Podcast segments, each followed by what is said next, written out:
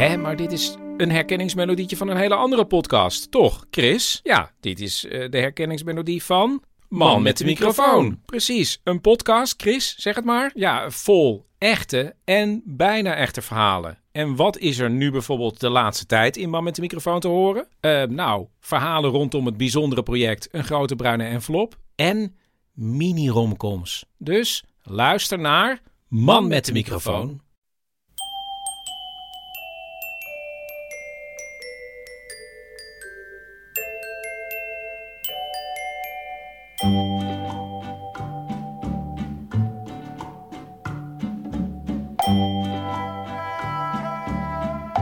Welkom bij aflevering 366 van Echt Gebeurd.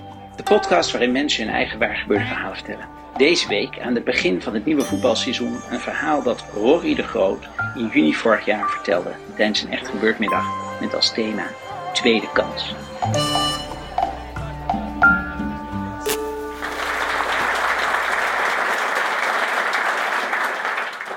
Het is uh, woensdagmiddag, 4 uur. En ik zit uh, in een snikheet zwembad bij uh, zwemles van mijn zoontje Oscar. En Oscar zit al ongeveer een jaar op zwemmen. En sinds kort mag hij eindelijk in badje 3. Het laatste station voordat hij af mag zwemmen. Eindelijk. Niet voor mij, maar voor hem. Uh, hij vindt zwemmen heel leuk. Maar hij begint er langzamerhand een beetje genoeg van te krijgen. En dat komt omdat al zijn vriendjes hun diploma al hebben. En sommigen zelfs doen diploma B al. En hij, uh, hij begint ongeduldig te worden. En dat begrijp ik, want dat is ook vervelend als je als enige achterblijft.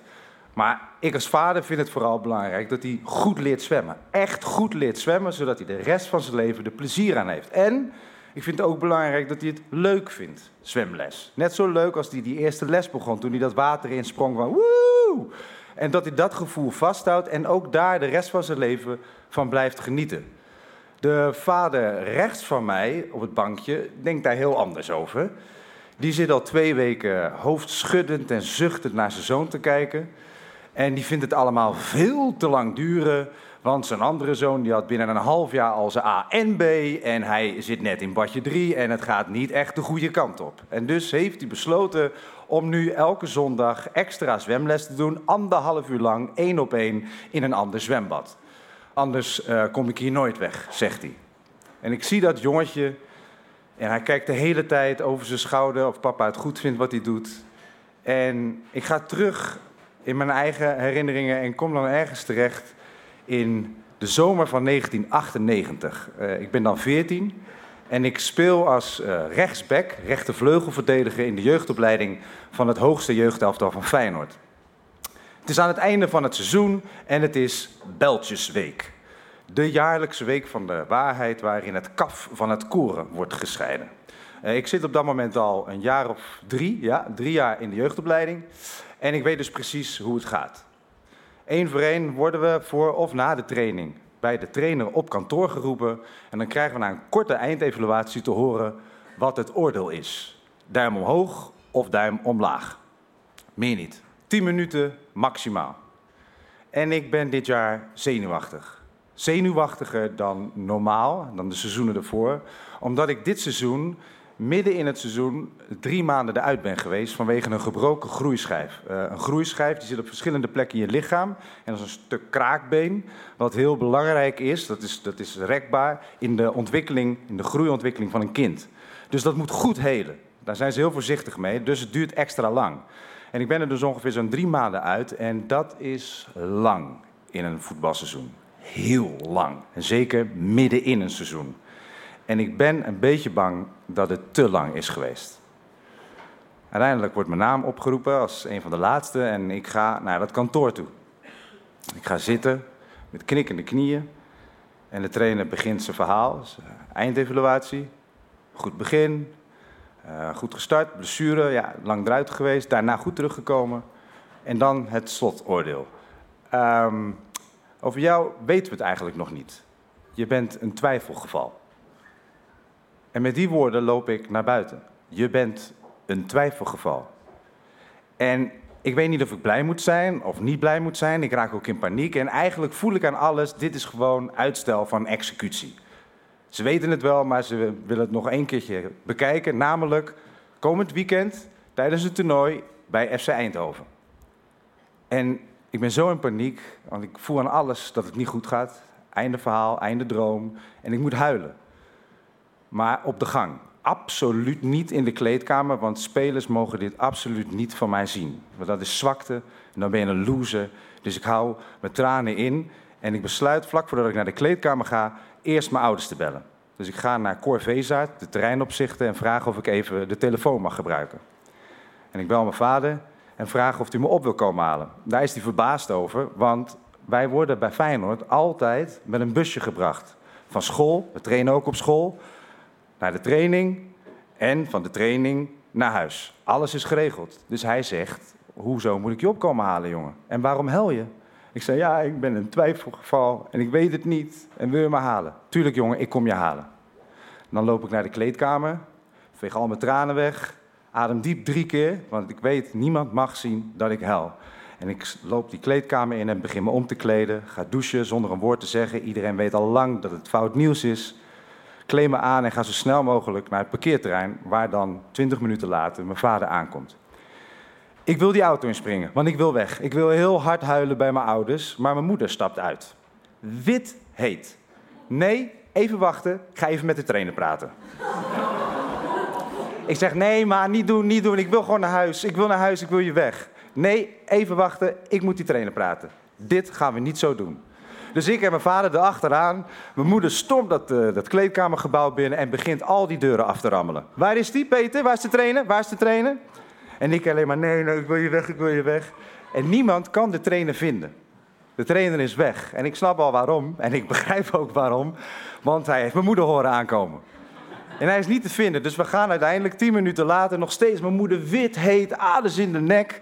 Hoofdscout komt achter de aan. Maud Martens, die kent me al jaren. En die zegt, Sonja, zo heet mijn moeder, Sonja, rustig, wat is aan de hand? Ja, hij is een twijfelgeval. Zo ga je niet met kinderen om. Je kan niet tegen een jongen van 14 zeggen dat hij een twijfelgeval is. Zo ga je niet met kinderen om. Hij doet dit voor zijn lol en zo is er geen zak meer aan. En ik wil niet dat hij dit doet. Zij ook bijna huilen uit uitgelegd. Hij zegt, ik weet het ook niet, ik ga het uitzoeken, ik ga het echt uitzoeken, ik vind het ook niet kunnen. Ga naar huis, het komt goed.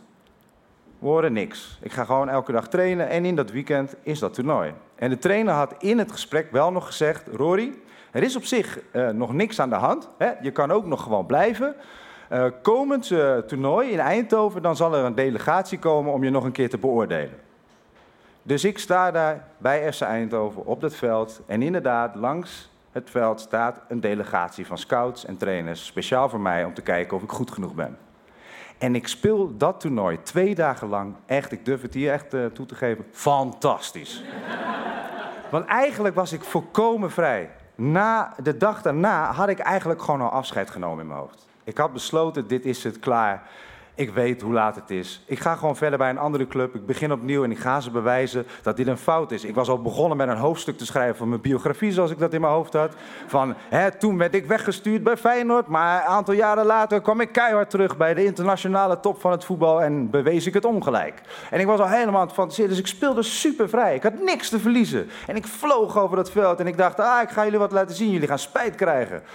En maandag hadden we een afspraak met het hoofd van de jeugdopleiding. Arno Pijpers. Nu met mijn ouders erbij, want daar stond mijn moeder op.